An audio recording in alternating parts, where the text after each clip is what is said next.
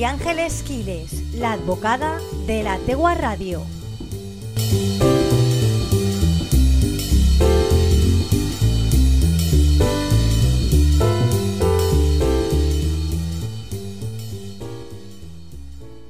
Hola, muy buenas tardes a todos. Es viernes, toca hablar de derecho. La semana pasa rapidísimamente y nada, ya estamos de nuevo aquí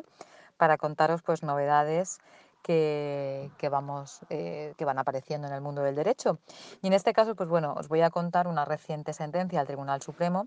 que zanja por fin el debate que existía entre si los correos electrónicos, eh, concretamente la impresión o los pantallazos, podían ser considerados medios de prueba. Eh, os digo siempre que el, derecho va adaptándose poco a poco a,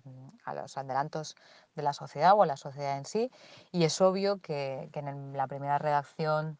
de las leyes que rigen los procedimientos, por ejemplo en el civil, la ley de enjuiciamiento civil, pues son leyes muy antiguas, leyes ya centenarias, en las que obviamente no podía aparecer ninguna eh, relación con, con, los correos electrónicos. Sin embargo, sí que hemos ido jurisprudencialmente adaptando pues la ley a estas circunstancias, pero quedaba la duda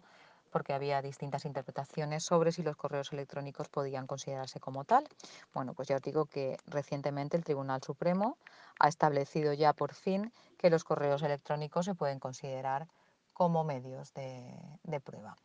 Eh, a ver, la sentencia fue dictada el 23 de julio por la Sala de lo Social y habla pues concretamente de los medios de prueba en el procedimiento de los despidos, por ejemplo, los procedimientos laborales.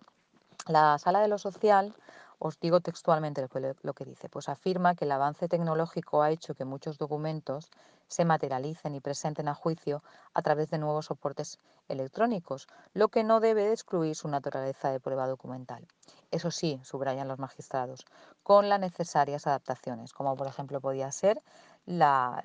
autenticidad. ¿no? Eh, por ejemplo, yo en el ámbito penal, por deciros un ámbito así que, se puede controlar un poquito, o que yo puedo controlar un poquito más que, el social, que sabéis que no, que no soy, no soy partidaria de hablar de temas sociales, pero bueno, en el tema penal, por ejemplo, pues cada vez que pues, en un levantamiento de la orden de alejamiento, de una comunicación con una víctima, o en el tema de los malos tratos, o en cualquier tema, siempre eh,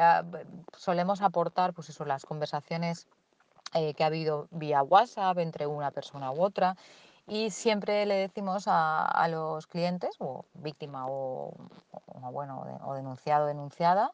que, por favor pues no, no, borren nunca los, los, soportes electrónicos, no borren nunca el WhatsApp, por ejemplo, que es el medio más habitual, no lo borren y lo conserven siempre para que cuando sea necesario pues, la letrada de la Administración de Justicia, los antiguos secretarios judiciales, pues puedan cotejar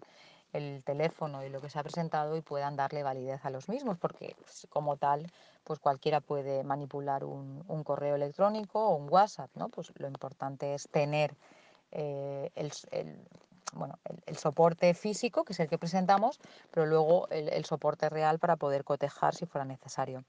Bueno, pues la controversia a la que pone fin el alto tribunal es si los eh, emails encajaban dentro del concepto de prueba documental que se articulaba en el, artículo 193 de la Ley Reguladora de Jurisdicción Social, que eh, dicho precepto regula entre las causas que pueden ser objeto de un recurso de suplicación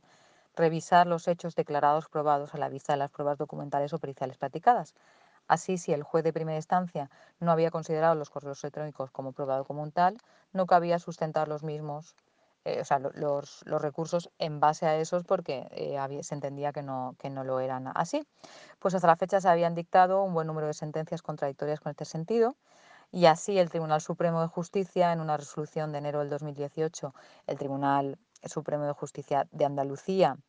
eh, en otra del 2017, habían negado la condición de prueba documental de los emails presentados en procesos laborales y en cambio, pues el Tribunal Superior de Justicia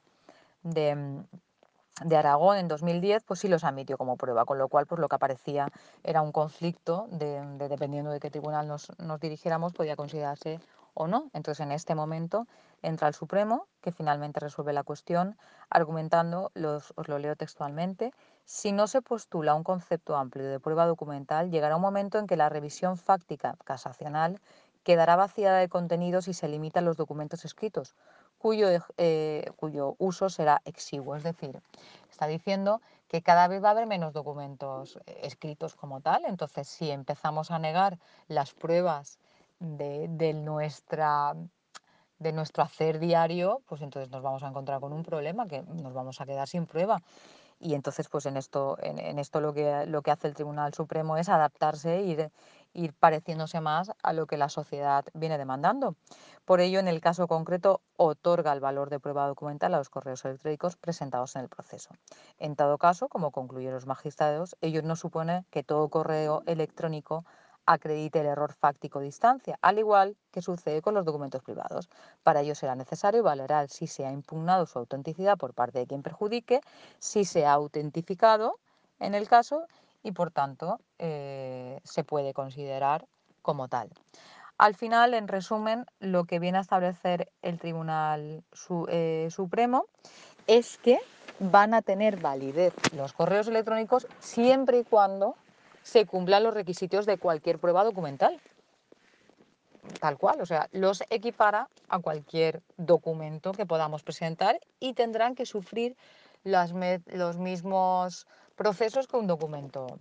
normal. Deberán de ser autentificados, deberán de ser presentados, la otra parte tendrá que impugnarlos o no, etcétera, etcétera, etcétera. O sea, igual que cualquier documento que podamos aportar hasta el momento y que no había sido objeto de, esta controversia. Pues dicho esto, Elia, ya sabemos que los correos electrónicos los podemos utilizar en nuestro favor y lo podemos utilizar en nuestro contra. Así que siempre os digo, cuidadito con lo que escribimos, cuidadito con lo que hacemos y al que pretenda utilizar eh, un correo electrónico como medio de prueba, pues una vez está impreso o una vez hace el pantallazo, no se tiene que borrar el email mm, en el, en el ordenador, en el, en el, servidor, porque si no podríamos encontrarnos luego con un, con un problema de prueba. ¿Qué no sucede si lo guardamos? Porque podríamos acudir a periciales para demostrar el IP del ordenador desde que se ha enviado, el correo electrónico, etcétera, etcétera. Pues nada, dicho esto, nos escuchamos el próximo viernes y os mando un saludo y buen fin de semana. María Ángeles Quiles, la advocada de la Tegua Radio.